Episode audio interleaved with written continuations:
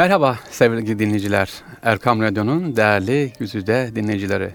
Hepinize sevgiler, saygılar efendim. Gönlünüz huzurla dolsun. Yine sizlerle birlikteyiz. İstanbul'un sırları.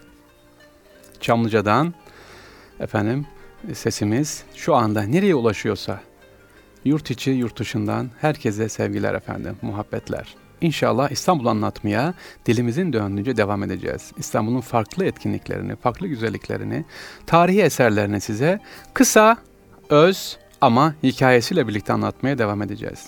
Amacımız ne? O eser hakkında derin derin efendim ansiklopedik bilgi vermek değil. Özü neymiş? İlginçli nedir? Niye gitmeliyiz diye bilgiler veriyoruz sizlere. Geçen hafta A Camii'nden bahsetmiştim. Mailler geldi. Ziyaret etmişsiniz. Teşekkür ediyorum. Gidin. Dede Efendi'nin evinden bahsetmiştim. Can Kurtaran'da. Gitmişsiniz. Hocam çok güzel diyorsunuz e, sağ olun. Diğer dinleyicilerimize tavsiye ediyoruz. Gidip görmenizi tavsiye ederim. Milyon taşı dedik efendim. Son Ahmet'te o da güzel. Gitmişsiniz sağ olun. Ve Meryem Ana Kilisesi dediğimiz var. Cuma günü ibadeti yapılan. Oraya da gidilmiş. Hatta oraya gidildiği zaman Cabir Camii var. Onu görmüşsünüz. Madem yeri geldi bu hafta size isterseniz Cabir Camii'nden o zaman programımızı ilk defa başlayalım. Evet Cabir Camii değerli dinleyicilerimiz. Bugün gittiğiniz zaman e, Ayvansaray bölgesinde Eğri Kapı Ayvansaray arasındadır. O geçen hafta bahsettiğim Meryem Ana Kilisesi'nin hemen yanındadır. Cabir Camii'nin içerisinde girdiğiniz zaman Allah Allah hemen mihrabın sağ tarafında cami içerisinde bir sanduka görürsünüz. Bir caminin içerisindedir türbe. Bizde İstanbul'da çok nadirdir cami içerisinde türbe görmeniz. Ama Cabir Camii'nde içine girdiğiniz zaman bir sanduka görürsünüz. Bir kapalı bölümde vardır. Orası da bir türbe vardır. Fakat hemen düzelteyim değerli dinleyicilerim. Cabir Cami içerisindeki bu Cabir radıyallahu efendim makamıdır. Yani Hazreti Cabir radıyallahu anh sahabe İstanbul'a gelmiş. Evet burası o dönemde kilise iken ziyaret ediyor, bulunuyor ve daha sonra tabii ayrılıp gidiyor kendisi. Bunun üzerine 2. Mahmut döneminde teberrüken efendim makamdan dolayı onu hatırlamak için, onu anmak için, hayırla yad etmek için buraya bir makam sandukası yapılıyor. Bugün gittiğiniz zaman orada Cabir radıyallahu yazar ama içerideki nedir? Makamdır. Yani kendisinin mezarı burada değildir. Peki niye Cabir Cami diyoruz diyor. Burası kiliseden çevrilmiştir efendim. Bakarsanız Cabir Cami kiliseden çevrilmiş olan bir camidir özelliği içerisinde çok güzel o dönem eski kiliselerinden bir tanesidir o dönemde. E, o bölgede zaten dikkat ederseniz başka cami yoktur. Kiliseden camiye çevriliyor Cabir Cami. Kilise bu caminin Cabir Cami'nin içerisine girdiğiniz zaman dediğim gibi tür makamı göreceksiniz, sandukayı göreceksiniz. Dışarısında duvarda ise dikkatini çeksin lütfen gidince bakın. Cabir Cami'nin dışarısında güneş saatini göreceksiniz. Evet o dönemde ilk güneş saatlerinden bir tanesidir. Ve çok nadirdir. İstanbul'da camilerin minaresinde güneş saati olur. Bunun güneş saati minaresinde değil, dış duvarındadır. Güneş saati neydi efendim? Namaz vakitlerinin belirlenmesinde, özellikle iftar, sahur vakitlerinin belirlenmesinde çok önemliydi. İşte bu caminin o bölgede güneş saati olan, yani Haliç bölgesinde güneş saati olan tek camimizdir. Cabir Cami. Niye gidelim bu camimize hocam? Kiliseden çevrilmiş çok eski bir camimizdir. Bir. İçerisinde Cabir radıyallahu anh makamı vardır. İki. Üçüncüsü nedir? Etrafına baktığınız zaman özellikle içerisinde bulunduğu çevrede yaklaşık beş tane daha sahabinin mezarı vardır ki onlara da ne yapıyorsunuz? Ziyaret ediyorsunuz. Hemen yanında Eri Kapı'da geçiyorsunuz. Yine e, Ayvansaray'da kenarda Halice yakında sahabe mezarları vardır. Gittiğiniz zaman onları da yavaş yavaş ziyaret ederek gidersiniz efendim.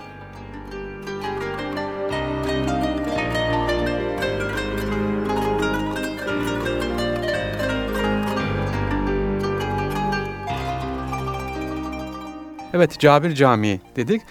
Başka bir ilginç camiye götüreceğim sizi. Firuz Ağa Camii şimdi değerli dinleyicilerimiz. Firuz Ağa Camii'nin özelliği nedir? Firuz Ağa nerededir cami? Ee, hepinizin bildiği bir yerde Firuz Ağa. Mutlaka hepinizin %99 gördüğü bir camidir. İstanbul'da yaşayıp da bu camiyi görmeyeniniz yoktur. Çok meraklandık hocam. Belki neresi diyebilirsiniz. Efendim Firuz Ağa Camii Sultanahmet'tedir. Sultanahmet tramvay istasyonumuz var ya. Topkapı'dan gelirken Sultanahmet istasyonu ya da Eminönü'nden geliyorsunuz tramvay istasyonu. Oradan değerli dinleyicilerimiz Sultanahmet istasyonundan indiğiniz zaman kafanızı kaldırın karşıdaki camidir. Firuza Cami. Küçük bir cami. Evet bu caminin özelliği ne? Bakın bu caminin farklı iki özelliği var. Çok şaşıracağız ve ilginç. Ve bu camiyi anlattığım zaman aa Osmanlı edebini ve zerafetini göreceksiniz. Değerli dinleyicilerimiz, camilerin genelde minareleri sağ taraftadır. Değil mi? E ama Firuza Camii'nin minaresi sol taraftadır. Neden hocam? E işte onu anlatacağız. Divan Yolu Caddesi üzerinde Sonahmet At Meydanı'nda bulunan Padişah II. Beyazıt'ın hazinedar başı Firuza tarafından yaptırılmıştır bu camimiz. 1491 yılında yani fetihten 38 yıl sonra yaptırılıyor. E, o dönemin önemli yapılarından bir tanesi. E, yani bu cami yapıldığında düşün orta tarafta Sonahmet Camii yoktu daha. 120 yıl sonra ancak Sonahmet Camii yapılıyor. Caminin kubbesi sekiz köşeli, kasna oturtulmuş Bursa üslubunda yapılan farklı bir dediğim gibi mimarisi vardı buranın. E, tek kubbe ve dört sütun, üç kemeri var camimizin. Caminin minaresi tek şerefeli. Yapılırken diğer minareleri camilerin aksine kıbleye göre e, sola inşaat ediliyor. Normalde sağ inşaat edilmesine rağmen. Sebebi ise neden caminin minaresi arkada ve solda? Bu cami İstanbul'un fethinden sonra yapıldığı için ilk camilerden o tarihte İstanbul'un yaklaşık %80'i bildiğiniz gibi Rum ve cami şehrin merkezi yerinde etrafında e, ne yapıyor? Rum yerleşim yerleri var kaynaklara göre, kitaplarımıza göre oraya cami yapılmasına karar verildiğinde caminin hemen sağında ve oldukça yakında oturan Rum vatandaşlarının dikkat edin. O bölgede oturan Rum vatandaşlarının ezan sesinden rahatsız olmamaları için ne yapılıyor? Sol tarafa yapılıyor efendim. Minaresi sol tarafa yapılıyor. Niye? Ee, bu binanın özelliği özellikle yine başka bir özelliği daha var. Bakın sol tarafında yapılması için bir hak, bir komşu hakkı sağ tarafa minare yapılırsa o bölgede oturan Rum evlerinin güneşi kesilecek. Güneşi kesilmemesi için mimari üslubu görüyor musunuz? Bursa mimari üslubu dediğimiz bu üslubla yapılıyor. Oturanların, oradakilerin, İstanbul halkının, vatandaşlarının güneşi kesilmesin diye minare sol tarafa yapılıyor. Bu şekilde gidiyor ki bu da bakın bir edep, bir haktır bir binanın diğer binanın güneş ışını kesmesi konusunda e, Rumların da çok büyük hassasiyetleri vardı. İşte Osmanlı bu hassasiyete ne yapıyor? Dikkat ediyor. 1512 yılında ölen Firuza'nın mezarı da yine bu caminin bahçesinde e, bahçedeki beyaz mermerden yoğuntulmuş lahitin üzerinde devam ediyor. Lahite de gittiğiniz zaman görürsünüz. Üzerinde gül demetleri var. Ha evet bugün bu camiye gittiğiniz zaman bu caminin bir özelliği var efendim. Ben İstanbul ziyaretlerimde özellikle ikindi nama ya da öğle namazına dek getiririm mutlaka. Öğle ve ikindi namazına gezilen ekibime dedim ki lütfen durun. Tam ezan vakti işte 12'de okunacak ezan. Bekleyin. Ezan okunur. Önce son Ahmet'den başlar ezan. Allahu Ekber, Allahu Ekber. Sonra müezzin durur. Neresi okur? Firuza. Firuza Camii okur. Evet, yıllardır böyle devam eden güzel bir gelenek vardır. Efendim, e, önce Sonahmet Camii'nin müezzini okur, ezana başlar. Ardından Firuza Camii buna karşılık verir. Ezan aynı bölümü tekrarlar ve her iki cami arasında karşılıklı olarak başından sonuna kadar ezan yankılı olarak okunur efendim. Her iki caminin müezzini seçme ve güzel sesli olduklarından yaklaşık bir e, efendim 15 dakika bir ezan ne kadar sürer? Diyelim 5-6 dakika ama burada ezan bir 15 dakika sürer ezan dinlemek istiyorsanız İstanbul'da Firuza Camii'ne gelin. Dışarıdan Sonahmet'le Firuza'nın arasındaki bu öğle ve ikin ezanlarını dinleyin efendim. Müezzinlerin güzel sesini karşılıklı birbirlerinin yankılı bir şekilde ezan okunuyor. Sonra daha sonra tabii güzel bir edep daha vardı. Buradan alır e, yine Nur Osmaniye Camii'de buna kulak verir devam ederdi. Yani böyle bir üslup vardı. Bugünkü gibi Allahu Ekber Allahu tüm camiler aynı anda değil. Böyle güzel bir üslup birbirini beklerlerdi efendim. Bu üstü gelenek, bugün bile güzel gelenek hala devam ediyor. Dediğim gibi yolunuz Sultanahmet'e düşerse lütfen bir öğle ezanını Firuza Camii'nden dinleyin. Veya ikinin ezanını dinleyin ki bu müezzinlerin karşılıklı, yankılı bir şekilde ezan okumalarını efendim. Buraya gittiğiniz zaman Alman Çeşmesi'ni de görürsün. Tam ortasındadır. Özellikle Sultanahmet Camii'nde gidilmesi gerek, Sultanahmet bölgesinde gidilmesi gereken güzel bir camimiz, Firuza Camimiz.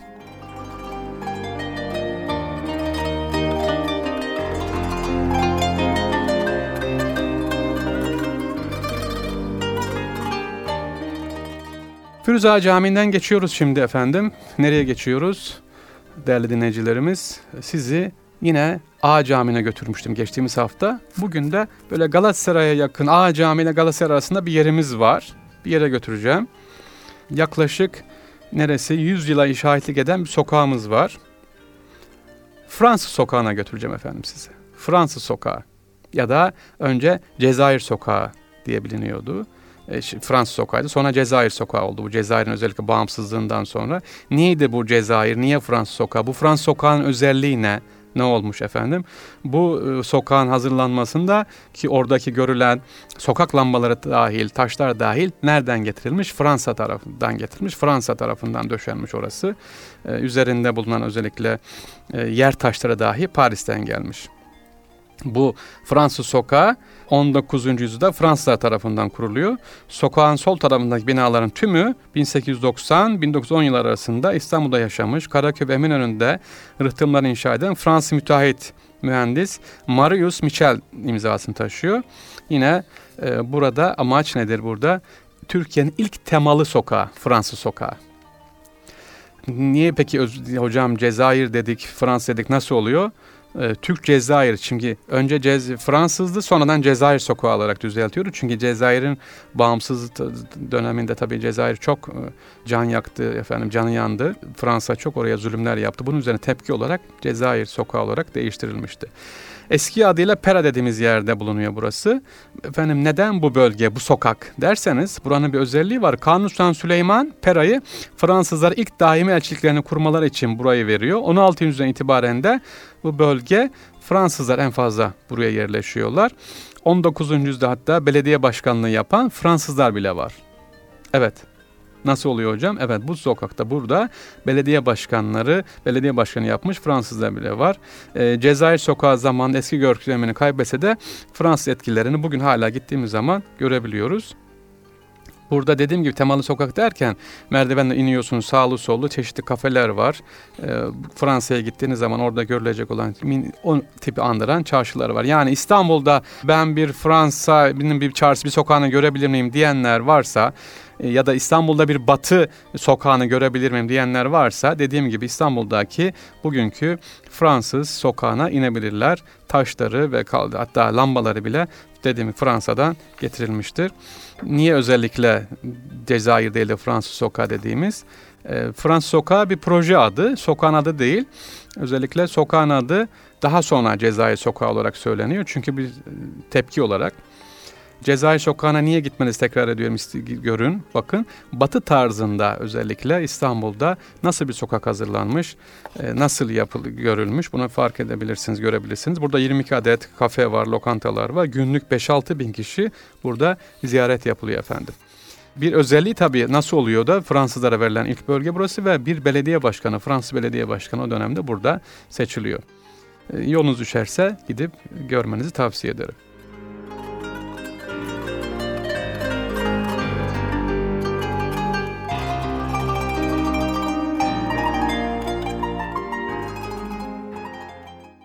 Birinci bölümümüzün sonuna geldik. Ee, sizlere İstanbul'la ilgili yeni güzellikler, farklılıklar anlatmaya devam ettik. İstanbul'la ilgili tabii çok e, güzel deyimler var. Bunlardan bir tanesinde e, bahsetmek istiyorum. Nedir?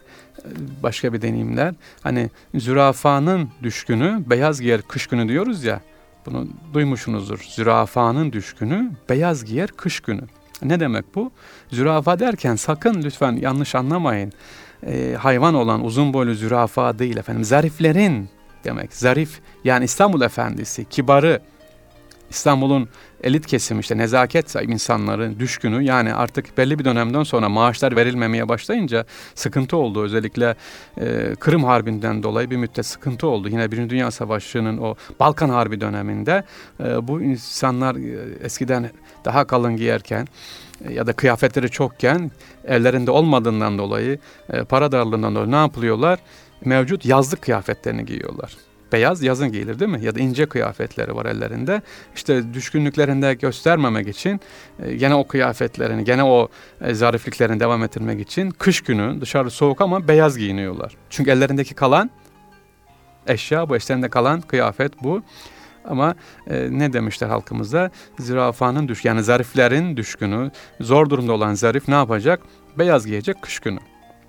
Evet, bu da İstanbul'un başka güzel bir deyimlerinden değerli dinleyicilerimiz. Yine İstanbul'un özellikle neyi vardır efendim? Başka bir deyimimiz daha var anlatalım. Şimdi aklıma geldi. E, Topkapı Sarayı'na gezerseniz haremde e, orada durur. E, hala bugün bile durur. Kepaze deyimini anlatmak istiyorum ben size. Kepaze oldu kepaze. Ne demek kepaze? Bu 4. Murat döneminde olan bir hadisedir. E, Tabi İran'la bizim atışmalarımız devam ediyor. İran Büyükelçiliği bir e, efendim ok getiriyor böyle ok yay getiriyor. E, çok zor efendim bunu diyor e, Şahımız hediye etti size. Kim diyor kurup tekrar bozup tekrar kuracak. Bir düşünün kalın bir ok ve yay padişahın huzurunda kemankeşler, okçular geliyor. Bakıyor ki Allah Allah yok kuramıyorlar. Yani kırılacak, tekrar ok bağlanacak. O kadar kalın bir şey. E, tabi İran elçisi seviniyor buna. Padişah üzülüyor. Kaldırın bunu hareme diyor. Morali de bozuluyor. Haremen bir kenarına atıyorlar böyle. Orada haremde çalışan birisi bugün geçerken bu neymiş diye bakıyor. Kuruyor yayı boşaltıyor. Kuruyor yayı boşaltıyor Allah Allah. Tam tekrar kuracakken sesler duyuyor bırakıyor oraya.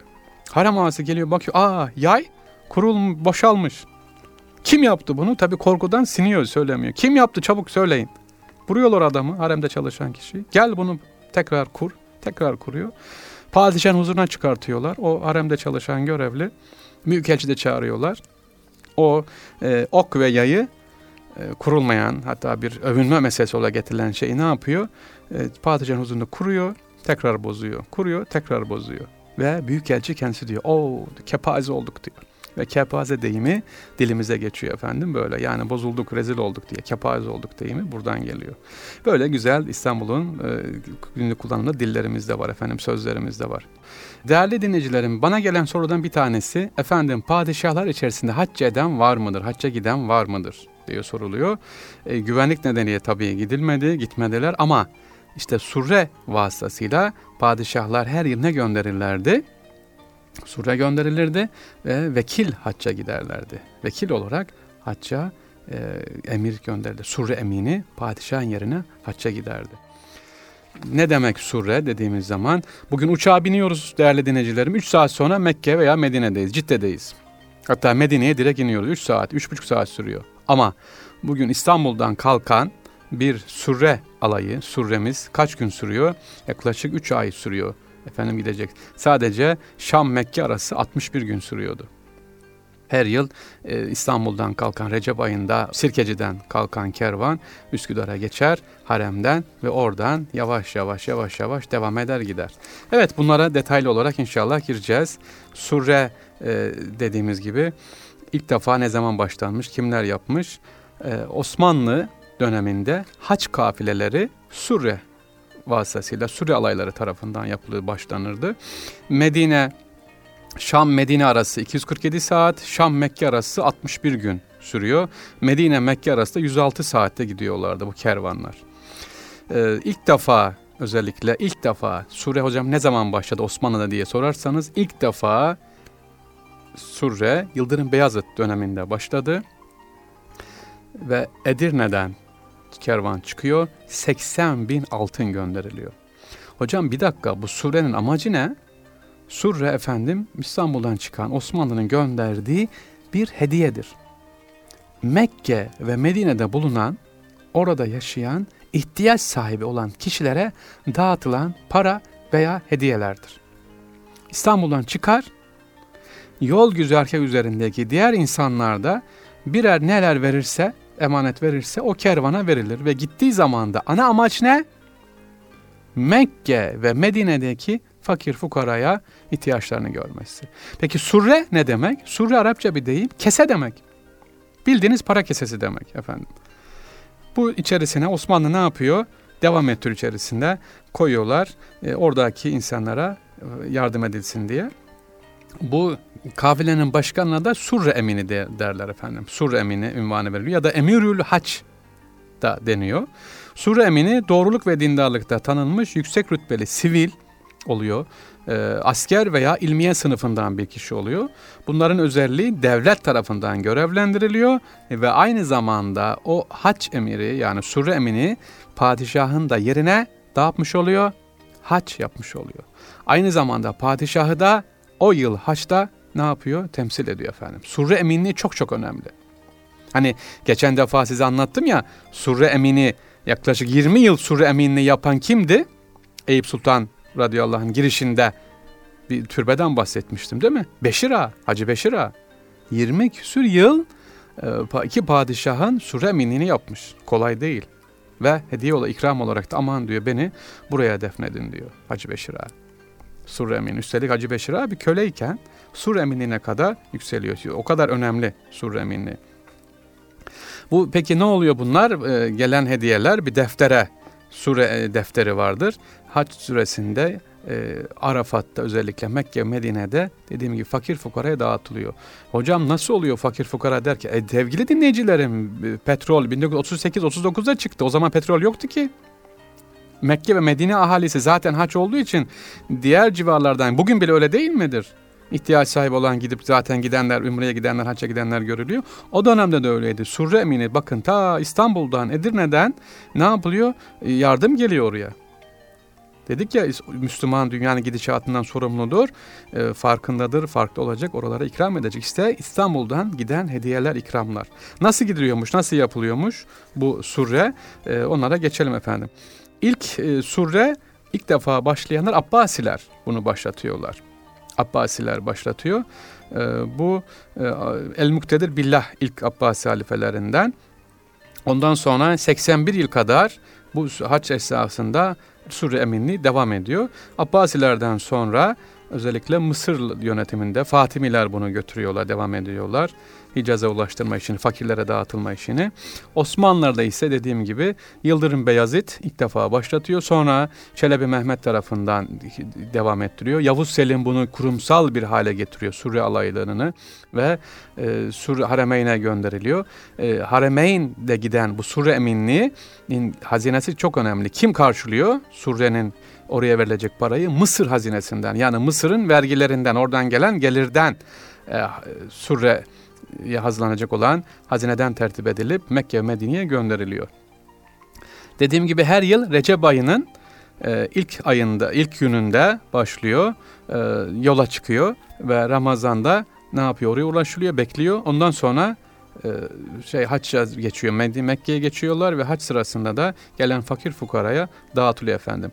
Surelerde gönderilen paraların dağıtılacağı yerler hepsi ayrı ayrı kime verilecek, ne kadar verilecek ayrı bir şekilde deftere kayıtlı bunlar veriliyor oraya. Devam ediyor. Bu sure geri gelmişken e, söyleyelim. Sure neyle gidiyor efendim? Develerle gidiyor. Deve, at, katır. Ama en önde mutlaka ne var? En eşyaları taşıyan develer var. Peki bu develerin değerli dinleyicilerin boynunda ne var? Boynunda ne var? E var. E olsun çan çan çanın özelliği ne? Ses. Ha, o çanın bir başka özelliği daha var. Değerli dinleyicilerimiz. Surre develerinin boynuna takılan hele önde giden o develerin İstanbul'dan giden develerinin boynundaki çanın bir özelliği var. Süleymaniye Camii'nin bugün gittiğiniz zaman is odası vardır. İs odasında biriken isler duvardan kazınır. Bu develerin çanının içerisine konur ve içerisine bir kaşık kadar su dökülür. Deve kervanı düşünün 61 kaç gün sürecek 61 günlük yolculuğa çıkacak gidecek İstanbul'a geri gelecek. Gidip gelene kadar çan içerisinde ne yapılır o is? Karışır, karışır, karışır, karışır, karışır ve çok güzel bir mürekkep olur. Nereden oluyor bu mürekkep?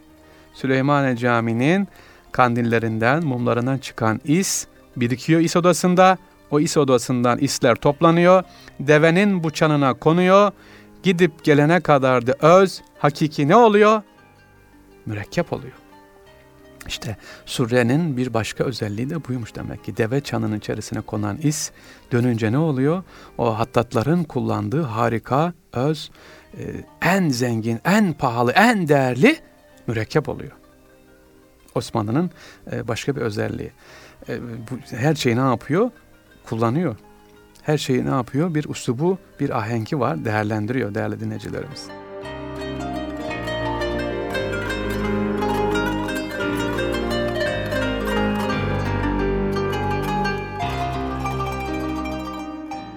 Evet, sure eminliği, sure alayları dedik. Sureler önceleri Anadolu, Suriye, Filistin güzergahından karayoluyla gidiyordu. Daha sonra özellikle buharlı gemilerin kullanılmasıyla birlikte artık e, Recep'te çıkması gerekirken Şaban ayı ortalarında İstanbul'dan deniz yoluyla çıkıyor. İkinci Abdülhamit Han Surre'yi ilk defa ne yapmış oluyor, başlattı. Onun için zaten Hicaz demir yoluyla başlattı ve sureler artık tren yoluyla gitmeye başladı. Sura gönderilme geleneği bir dünya savaşında Osmanlı Devleti ile arasındaki bağlantıların kesilmesiyle maalesef son buldu. Evet İstanbul Osmanlı Devleti'nin başkenti olduktan sonra Suriye alayıyla beraber Hacı adayları Recep ayın 13. günü yola çıkıyorlardı. Eğer bu ayın 12. günü Cuma'ya rast gelirse padişahın bir tezkeresiyle ya Perşembe'ye alınıyordu ya Cumartesi'ye alınıyordu. Böyle de bir gelenek var. Bu hep devam etmiştir. Çok efendim dediğim gibi güzel bir gelenekti bu. E, Sirkeci'de hazırlanıyor, padişah da hazır bulunuyor. Dualarla nereye gönderiliyor? Harem'e gönderiliyor. Harem adı nereden geliyor? Niye harem denmişler hocam? Bugünkü harem bölgemizin adı. Çünkü orası harem toprağıdır. Haremeyn toprağıdır. Nasıl yani? Bizim için artık Avrupa yakasından Üsküdar'a Anadolu'ya geçtiğimiz zaman harem dediğimiz bölge artık Mikat Mahalle dediğimiz yerin başlangıcı. Öyle sayın başlanıyor, öyle e, biliniyor, öyle e, teberrük ediliyor efendim. Artık kutsal topraklara adım atıyoruz, başlıyoruz. Bugün e, ki yine aynı şekilde haremin adı demek ki nereden geliyormuş? Bizim için e, ilk kutsal topraklara başlanan yer e, Mekke Medine'nin haremine gidilen ilk yolumuz burası. E, başka bir özelliği daha var değerli dinleyicilerimiz. Surre alayında bir emanet daha gidiyor. Nedir o? Kabe örtüsü. Evet. Kabe örtüsü e, Mısır'da dokunan dokunuyordu. E, fakat 1798'de Mısır'ın Napolyon Bonaparte tarafından işgal edilmesinden sonra İstanbul'da hazırlanmaya başlandı. Ya biliyor muydunuz? Demek ki Kabe örtüsü 1799'a 88'e kadar Mısır tarafından Mısır'dan dokunup hazırlanıyor, Kabe'ye gönderiliyor. Örtü, Kabe'nin örtüsü değiştiriliyordu.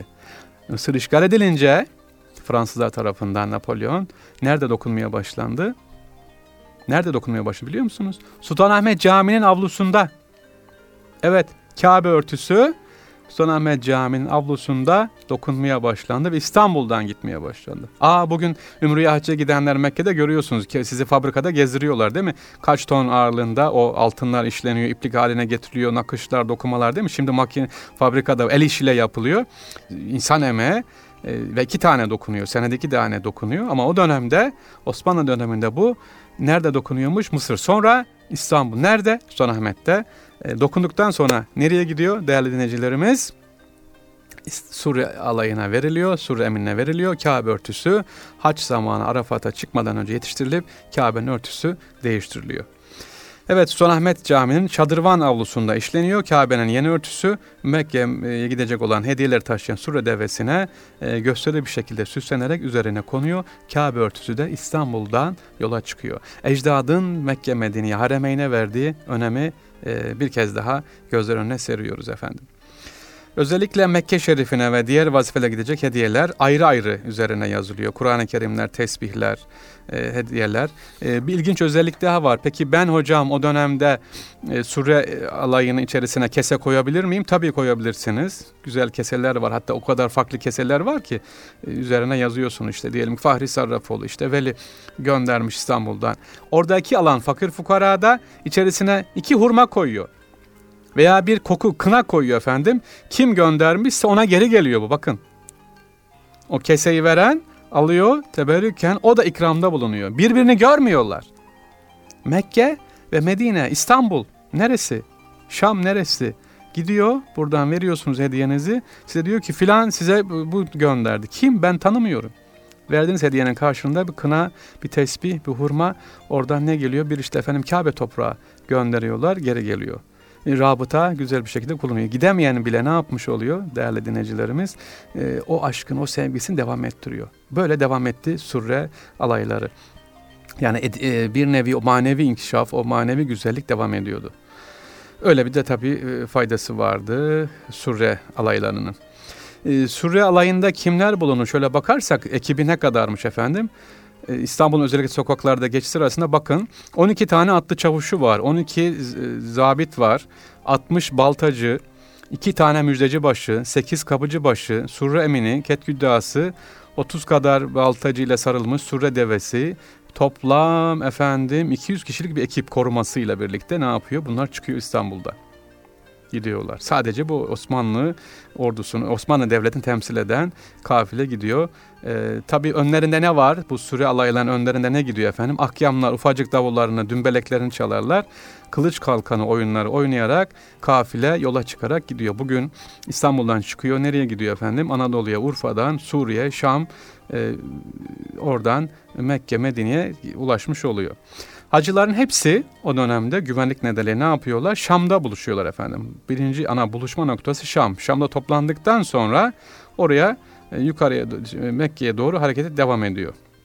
Sonraki güzergah neymiş? Üsküdar, Eskişehir, Akşehir, Konya, Adana, Antakya, Halem, Şam üzerinden e, gidiyor. Bu birinci kol. Orta kol ise Üsküdar, Gebze, İznik, Sapanca, Geyve, Hendek, Ayas, Düzce, Bolu, Hacı Hamza, Merzifon, Amasya, Turhal, Tokat, Sivas, Malatya, Diyarbakır, Şam. Bakın bu da ikinci kervan üzerinden. Diğer bir sol kol ise Üsküdar, Merzifon'a kadar orta yol, e, Karahisar, Bayburt, Tercan, Erzurum ve Kars üzerinden kutsal topraklara gidiyorlar ama tüm bu Türkiye'den çıkan Surre alayları nerede toplanıyor? Şam'da toplanıyor. Ondan sonra Bismillah tekrar hep beraber Mekke'ye doğru hareket ediyorlar efendim.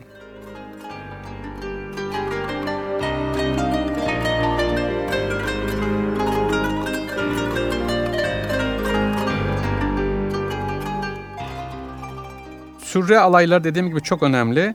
Bugün bizim şu anda mesela Cumhur, Sayın Cumhurbaşkanımız gitti, ümre yaptı geldi efendim. Ee, Suudi Arabistan Kralı ile görüştü. İşte ne kadar bir zengin ihtişam var ama dediğim gibi yıllar önce böyle bir şey tabii yoktu. İstanbul'dan, yoldan giderken e, işte Ankara'dan, Aksaray'dan ya da geçtiği yoldan, Amasya'dan insanlar ne yapıyor? Develere küçük küçük keselerle 1 lira 50 kuruş neyse gücün nispetinde veriyor ki aman oradaki fakir fukaraya ulaşsın diye efendim. Ah evet Suriye alay dedik ama Suriye alaylarında tabii neler var? Ee, üzücü olaylar da var. Hocam Suriye alayla hep devam etmiş mi? Birinci Dünya Savaşı'nda kesildi dediniz. Efendim e, eşkıyalar var tabii maalesef. Develerle gidildiği için yol kesiliyor. Bunların geliri Suriye'yi önünü kesmek. Oradaki eşyaları alıyorlar, talan ediyorlar. Dördüncü Mustafa döneminde meydana geliyor. Ee, dördüncü Mustafa o kadar üzülüyor ki değerli dinleyiciler rahatsızlanıyor, hastalanıyor çünkü o dönem maalesef Sure alayı Hicaz'a, Mekke'ye ulaşamıyor. Gidilmiyor. Ee, Sultan Mustafa çok üzülüyor ee, ve şöyle bir şiir yazıyor bakın. Niyet ettik Beytullah'a gitmeye, Hacül Esvet'e yüz sürmeye, Arafat'ta hem vakfe durmaya. Takdir her tedbiri bozar dediler. Eşkıyalar yüzünden o yıl değerli dinleyicilerimiz Surre Hicaz'a ulaşamıyor. Evet, Suriye alayları e, tabi saldırıyorlar eşkıyalar. Tabi tren de olsa treni durduruyorlar. E, özellikle e, sıkıntılar devam ediyor. E, çöl bedevilerinin yaptıkları var. 1804 yılında Vehhabe korkusundan var. Mesela ilginç bir olay oluyor biliyor musunuz? 1807 yılında bu Haç'taki eşkıyaların tehdidi yüzünden şöyle bir fetva çıkıyor. Bakın Maraş müftüsü Mahmud Efendi'nin fetvasıdır. Maalesef yol güzergahı emin olmadığı için bu yıl hac e, e, gidecek olan Surre alayı maalesef geri dönüyor. Ve o yıl ilk defa ne yapmış oluyor? Surre kabul edilmedi, gidilmedi efendim. 1807. Niye? E, maalesef yol güzergahı tamam olmadığı için. Ne zamana kadar devam ediyor efendim? E, bu Abdülmecid Efendi 1923-24 yıllarında bu geleneğe resmen son verdi. Yani 1923'e kadar Osmanlı bunu devam ettirmiş. Son halife, son halife Abdülmecid Efendi ilk defa ne yapıyor? Surre alayına kendisi son veriyor efendim. O tarihe kadar demek ki Yıldırım Beyazıt'tan başlamışız. Ee, son padişah e, Vahdettin ve son halife Abdülmecid Efendi'ye kadar bu devam etmiş. Surre eminliği geleneğimiz gitmiş. Ondan sonra maalesef e, gelenek devam etmemiş. Bugün ne yapıyoruz? Bugün işte efendim Ümre'ye gidenler gene bunu hafif devam ettiriyorlar görüyorum. Buradan güzel eşyalar götürüyorlar, değişik e, gene kıyafetler götürüyorlar. Oradaki insanlar var. Hocam hala mı? Evet değerli dinleyicilerimiz gittiğiniz zaman siz de teberrüken çantanız valizin bir kenarına koyun. Buradan temiz, temiz, giyilmemiş, güzel, temiz eşyalar veya giyilmiş güzel eşyalar. Ay ihtiyacı olan tabii ki var. Biz elhamdülillah birkaç defa gittiğimiz için biliyoruz. Mekke'de, Medine'de götürdüğünüz zaman bırakın oraya kenara. E, bir müddet sonra gelip ihtiyaç sahibi olanlar oradan alıp götürecekler. Siz de bu geleneğe bu şekilde devam edin. İstanbul'dan çıkan Surre Eminliği geleneğini ne yapın? Devam ettirin inşallah.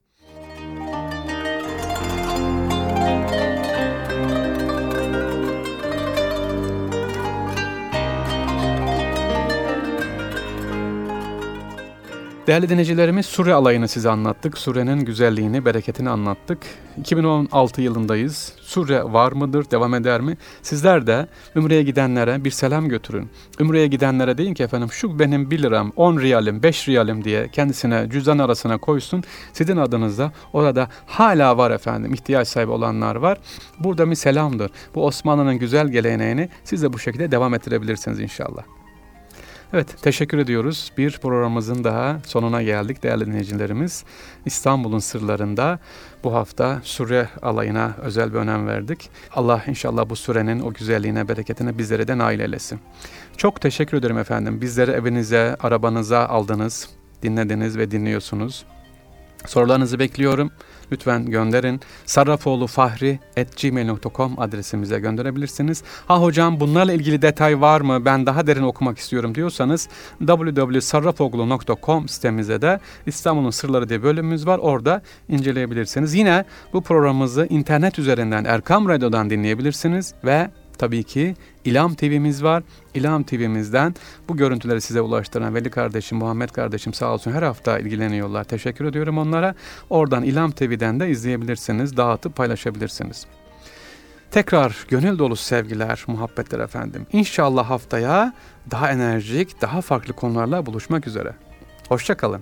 Allah'a emanet olun.